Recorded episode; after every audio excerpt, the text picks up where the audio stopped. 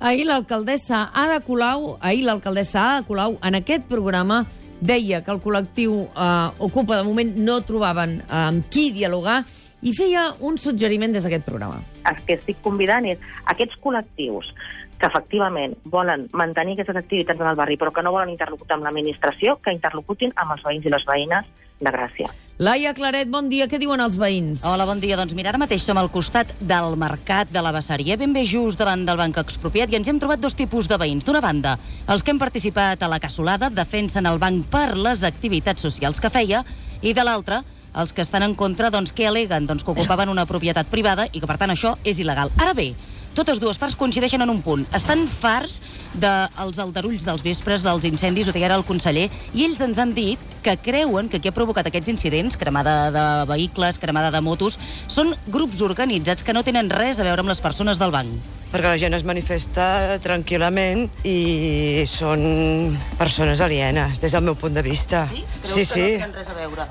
Crec que en general no tenen res a veure. Eh, els que conec que anaven al banc i he parlat aquests dies, perquè és el tema... Mira, ara mateix amb la Vina, que també està passejant el gos d'aquí al costat, ho estàvem dient. E- Ella ha col·laborat el que volgués i diu que no, que realment tot això és una cosa que s'ha escapat de les mans i que hi ha altres, altres grups implicats. També m'han dit que se n'espera una de grossa per dissabte per, perquè vindrà gent de fora. Clar, això ja no és el barri, això. Això ja no és el banc aquest. Gràcia no és això. Gràcia no és això, i de fet diversos veïns ens deien això, eh, que dissabte ens deien, Mònica, que se n'espera una de grossa. Hi ha una manifestació convocada per dissabte eh, i, per tant, veurem, veurem què passa. Eh, la crida que feia Jordi Jané en el programa, Laia, anava en el sentit de dir, escolta, hi ha grups organitzats, sí. eh, algun dia podrem ensenyar les imatges, suposo que estan intentant identificar-los, però estem convençuts que, que, que hi haurà seny. Ahir sentíem l'alcaldessa que vol l'ajuda de les entitats i veïns del barri perquè els ajudin a fer de mitjancers. Tu has parlat amb el president de l'associació, el senyor Toni Ramon. Què t'ha explicat? Doncs d'una banda, primer ens ha explicat el paper del banc en les trobades que tenien els col·lectius del barri. Estava implicat.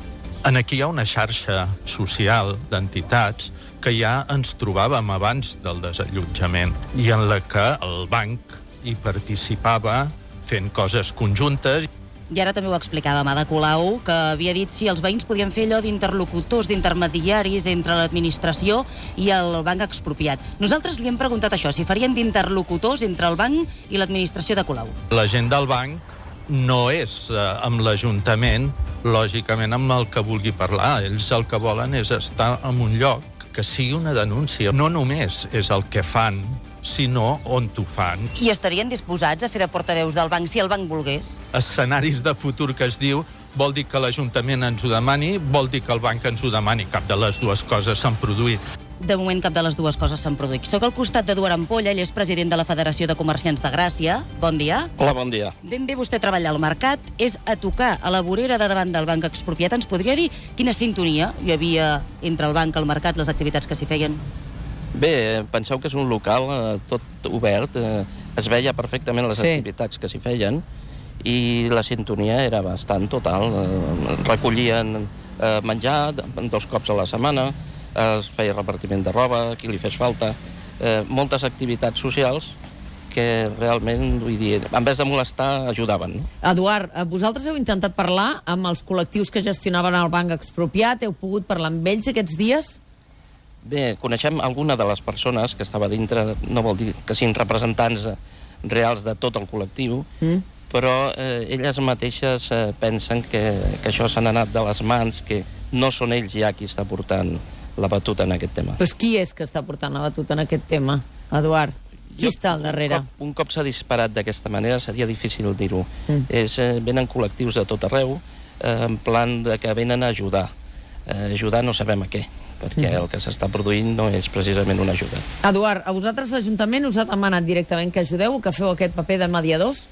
Bé, directament no, però ahir sí que van provocar una reunió. Les diferents... Qui hi havia?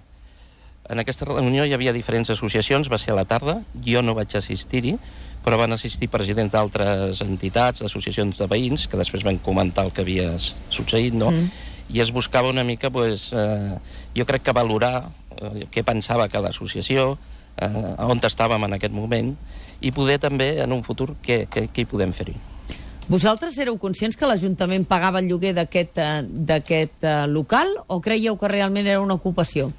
No, nosaltres ho vam saber ja fa bastant, vull dir, l'Independent ho va publicar, Mm?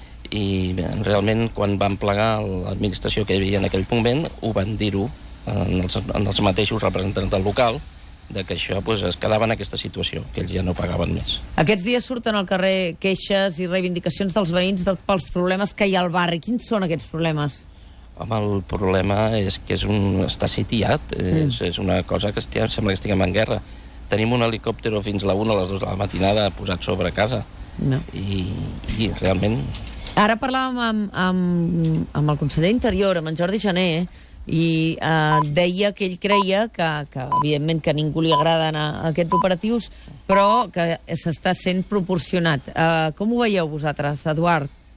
Bé, nosaltres, eh, des, de, des del veïnatge, perquè jo vic al carrer sobre mateix de Ramon i Cajal, mm. i dona la plaça Revolució i estàs veient constantment el que passa, vull dir, en principi, quan l'operatiu està tancant els carrers, eh, correcte, però després es creen situacions mm. realment rocambolesques. Les furgones aquestes van a 100 per hora pels carrers estrets com, a, com si qualsevol veí que sortís l'enclasten com una mosca. Sí.